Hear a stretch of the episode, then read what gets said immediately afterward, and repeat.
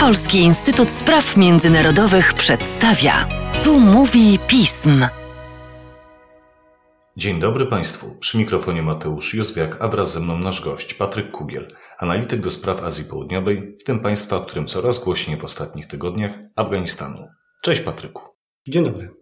Co do Afganistanu, mamy nowy tymczasowy rząd, którego premierem został Mua Mohammad Hassan Ahund. W jego skład, wbrew wcześniejszym zapewnieniom, próżno szukać kobiet czy przedstawicieli wszystkich grup etnicznych tego państwa. Patryku, kto w takim razie znalazł się w nowym rządzie?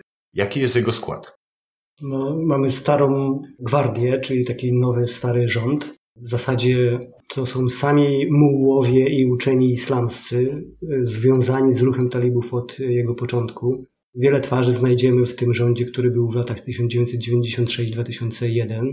W zasadzie można powiedzieć, że to są talibowie, członkowie Najwyższej Rady, Rahbari Shura, która dyrygowała ruchem talibów przez ostatnie 20 lat i teraz po prostu to dowództwo talibów z czasu wojny przesiadło się na rządowe fotele i daje twarz nowemu rządowi Afganistanu, więc jest to jednak duże rozczarowanie.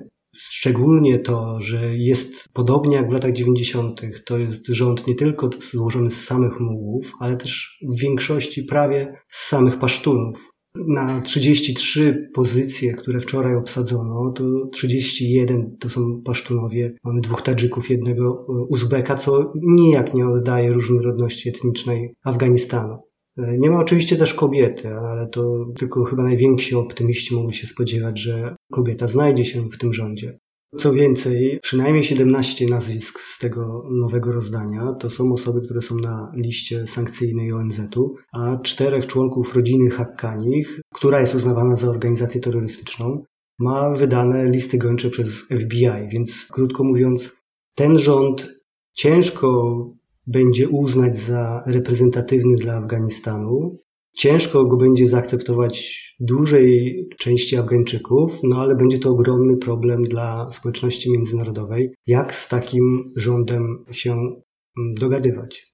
A z czego mogła wynikać taka, nie inna decyzja odnośnie składu rządu?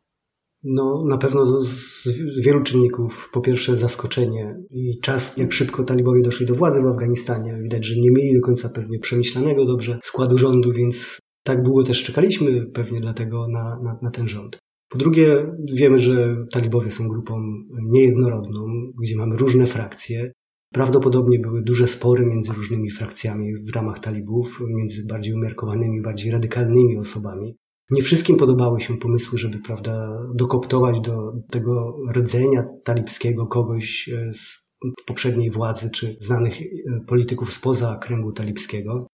Możemy po trzecie powiedzieć, że na pewno była tutaj też interwencja zewnętrzna, bo na dwa dni przed ogłoszeniem składu rządu do Afganistanu przyjechał e, szef pakistańskich służb wywiadowczych i jemu się też przypisuje presję na talibów i zablokowanie kilku nominacji bardziej umiarkowanych, ale antypakistańskich liderów talibskich czy przedstawicieli opozycji. Mm, możliwe też po czwarte, że nie udało się na tą chwilę jeszcze porozumieć z tymi wpływowymi liderami politycznymi afgańskimi, jak Hamid Karzai czy Abdullah Abdullah. Prawdopodobnie talibowie nie mieli zbyt wiele im do zaoferowania, czy ich oferta była niewystarczająca, żeby swoją jakby wiarygodność poświęcać i być tylko marionetką w tym talibskim rządzie, więc może zabrakło trochę czasu na to, żeby lepiej porozumieć się z przywódcami opozycji. W końcu na to wszystko mógł mieć e, wpływ też trwający konflikt e, w Dolinie Panczyru, gdzie jeszcze siły wierne poprzedniemu prezydentowi się bronią. W zeszłym tygodniu trwała operacja talibska, która do końca nie jest jeszcze zakończona, więc e, zaostrzyły się pewnie też relacje między talibami a przedstawicielami o tym, że talibowie zdecydowali na konsolidację władzy, na e, rozdanie tych łupów wojennych w własnym gronie, po to też, żeby zjednoczyć talibów, prawda, żeby nie doszło do rozłamu talibów w tak kluczowym momencie i dlatego dzisiaj postawili na zaufanych i na członków ruchu, no ale nie wykluczałbym tego, że za jakiś czas będzie miejsce na to, żeby e, ten rząd jednak zmienić i nadać mu bardziej przyjazną twarz. Jak to będzie rzutowało na kwestię Afganistanu wewnętrznie? No to jest e, na pewno zły prognostyk dla sytuacji wewnętrznej. Talibowie nie wykonali żadnego gestu wobec e, przedstawicieli mniejszości czy innych sił politycznych z Afganistanu. No, obsadzili rząd wyłącznie swoimi ludźmi. Więc ciężko będzie no, zdobyć jakąś wiarygodność w oczach, e, zwłaszcza społeczności niepasztuńskich w Afganistanie.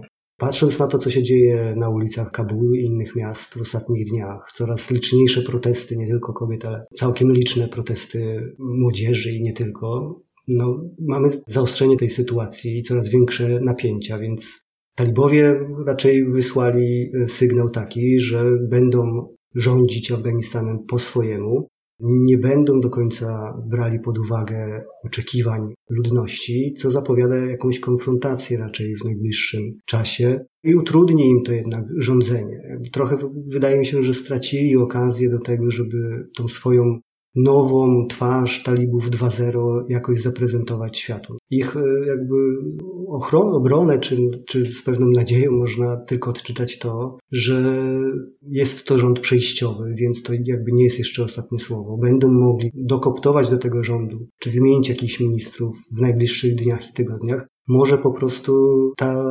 zmiana i zajęcie władzy w Kabulu przyszło dla nich za wcześnie i stąd trochę się pogubili. Mówi się, że błądzić to rzecz ludzka, jednak nie w tych okolicznościach. Mówimy przecież o rządzie, którego przedstawiciele przejęli władzę w Afganistanie siłą, chwilę po wycofaniu wojsk amerykańskich z tego kraju. Mimo to Chiny zdecydowały się na nawiązanie relacji i widzą w tym jakąś szansę dla siebie. Pozostaje więc pytanie, jakie szanse i możliwości widzą talibowie w perspektywie współpracy z Zachodem, czy jest jakakolwiek szansa na budowanie z nimi relacji? No, to na pewno talibowie nie ułatwili e, Zachodowi prowadzenia polityki wobec Afganistanu, która no, zmierzała jednak w kierunku takiej normalizacji i akceptacji rzeczywistości takiej, jaka ona jest. Unia Europejska, czy nawet członkowie Rady Bezpieczeństwa ONZ wydali w zeszłym tygodniu swoje stanowiska i warunki, przedstawili warunki do e, zaangażowania talibów jako partnerów międzynarodowych.